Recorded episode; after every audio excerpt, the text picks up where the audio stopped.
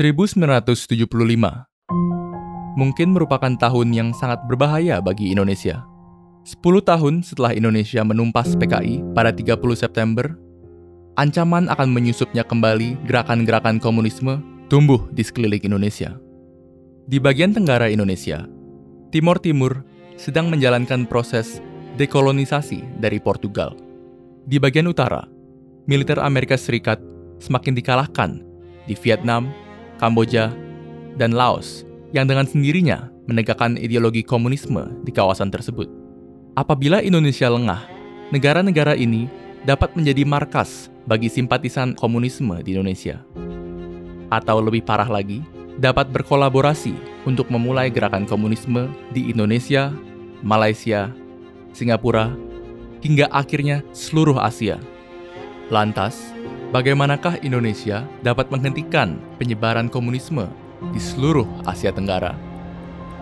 Vietnam and Cambodia are escalating their conflict. The major flashpoint is here along the Vietnam-Cambodia border.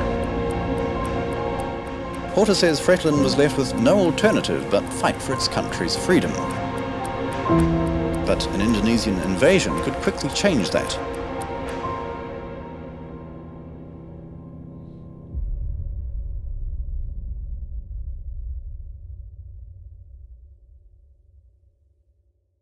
Semenjak 1940-an, satu persatu negara di Asia Tenggara memperoleh kemerdekaannya. Tentunya, mereka harus segera memilih ideologi serta bentuk negara masing-masing. Di sini, mereka diberikan dua pilihan oleh negara besar lainnya. Antara mengikuti ideologi komunisme seperti Uni Soviet atau Republik Rakyat Cina, Весь мир знает, что самая империалистическая держава – это Соединенные Штаты Америки. atau mengadopsi demokrasi dan liberalisme ala Barat.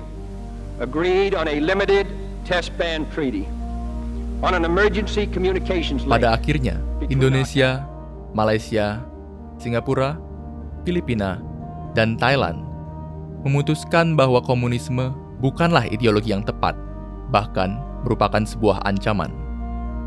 Kelima negara tersebut pun membentuk Perhimpunan Bangsa-Bangsa Asia Tenggara atau yang kita sebut sebagai ASEAN di tahun 1967.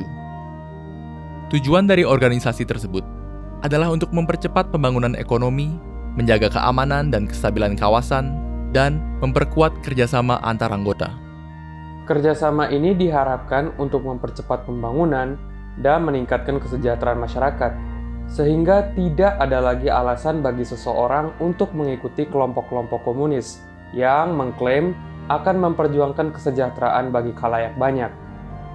Bukan hanya itu, negara anggota ASEAN juga berjanji untuk tidak mencampuri urusan internal satu sama lain. Hanya saja, prinsip dan keanggotaan ASEAN masih terlalu minim. Pasalnya, ketika ini semua terjadi, terdapat dua kawasan yang tidak tersentuh pada prinsip-prinsip ini. Di timur bagian timur, daerah ini masih dikuasai oleh Portugal dan tidak terlalu terlibat dalam peristiwa-peristiwa Jakarta. Sedangkan di Indochina, Vietnam tengah berupaya untuk mempersatukan Kambodia dan Laos dalam sebuah konfederasi komunisme. Namun, Vietnam ditentang oleh salah satu faksi dari Partai Komunis di Kamboja yang dipimpin oleh Pol Pot. Pasalnya, mereka khawatir bahwa Vietnam akan menjajah Kamboja layaknya Prancis menjajah mereka dulu. Pada tahun 1975, Pol Pot berhasil mengambil kekuasaan Kamboja dari Jenderal Lon Nol yang sebelumnya melakukan kudeta terhadap Pangeran Sihanouk. Posisi Pol Pot diperkuat dengan amarah masyarakat terhadap Amerika Serikat dan pemerintahan Lon Nol yang berkolaborasi dan menjatuhkan ribuan bom di Kamboja. Meski sama-sama komunis, Pol Pot memiliki perselisihan dengan Vietnam yang dianggapnya hendak menjajah kembali Kamboja. Sementara di timur, situasi serupa mulai terjadi. Portugal mulai bekerja untuk melepaskan jajahannya di timur dan Mozambik setelah Partai Komunis Portugal mengambil alih pemerintahan di tahun 1974. Beberapa aktivis beraliran kiri mulai datang kembali ke Timur Timur dan membentuk Partai Pro Kemerdekaan yang beraliran Maoisme. Partai ini bernama Fretilin. Revolutionary Front. It sounds communist. Is it in fact communist? Well, uh, I have always denied, reject strongly that Fredlin is a communist party. It is not. Pada pemilihan umum yang diprakarsai oleh Portugal, Fretilin mendapat suara mayoritas, sementara partai pro-integrasi Apodeti berada di urutan ketiga. That we are not at all a communist party. Communist party. Communist party. Communist party. Pada tanggal 5 Juli 1975, Presiden Soeharto bertemu dengan Presiden Amerika Serikat Gerald Ford. Dalam pertemuan tersebut, mereka mendiskusikan strategi untuk menjaga keamanan di Asia Tenggara.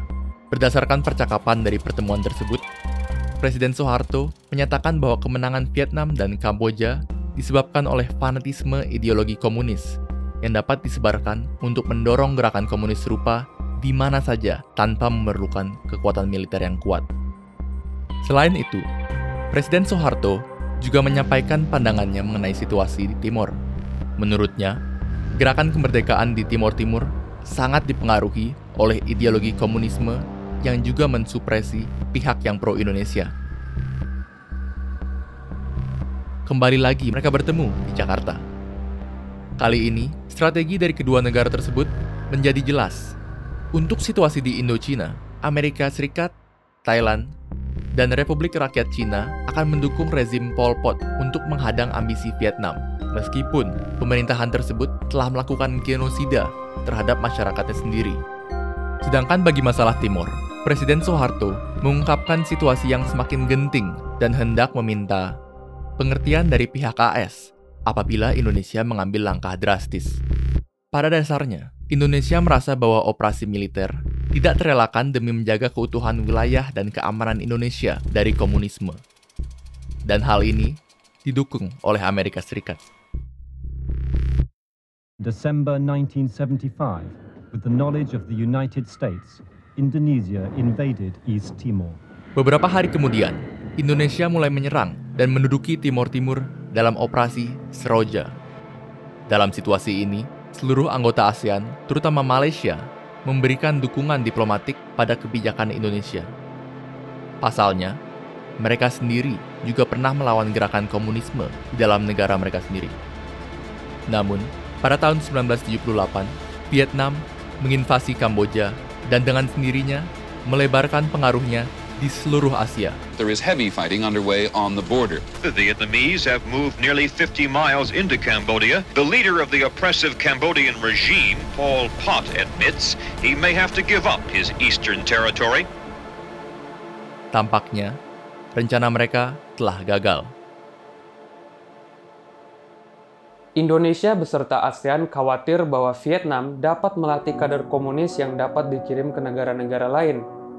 Meskipun demikian, menggunakan aset-aset militer untuk mengalahkan Vietnam sangatlah mustahil, karena Vietnam sudah lebih berpengalaman dalam berperang. Menggunakan cara-cara diplomatik pun harus berhati-hati.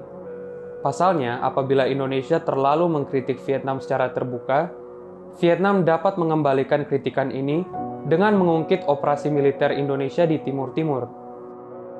Indonesia serta ASEAN melakukan berbagai cara dari mencegah pemerintahan pro-Vietnam mendapatkan kursi di PBB, mendirikan pemerintahan Kamboja di luar negeri, serta menampung pengungsi yang melarikan diri.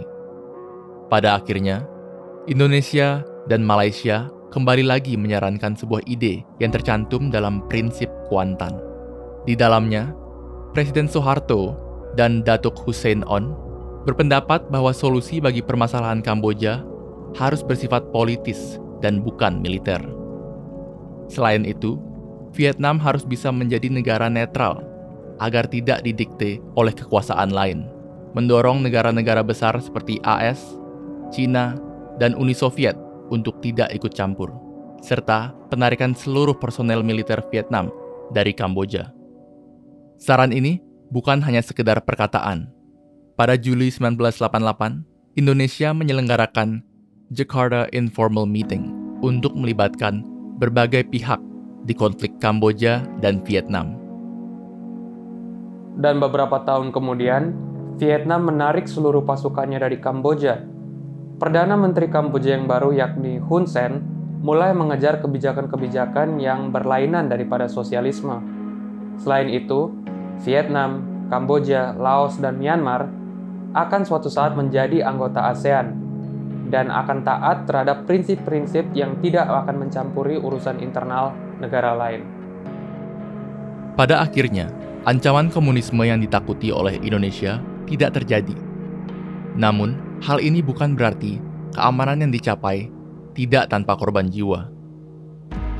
Di Timor, Kamboja, Laos, dan Vietnam, banyak korban jiwa termasuk warga sipil berjatuhan. Sebuah tragedi kemanusiaan yang sangat mengenaskan. Luka yang tertinggal dari keluarga terpisah, rumah yang harus ditinggalkan, dan masa depan yang sirna dapat dirasakan sampai sekarang. Tetapi, bagi para pemimpin negara pada kala itu, Tragedi ini hanya satu dari banyak keputusan yang harus diambil. Bagi mereka, kepentingan nasional selalu berada di atas perikemanusiaan. Bahkan, tragedi ini adalah buah dari persaingan antar negara komunis dan strategi blok barat yang dengan mudah memecah belah mereka.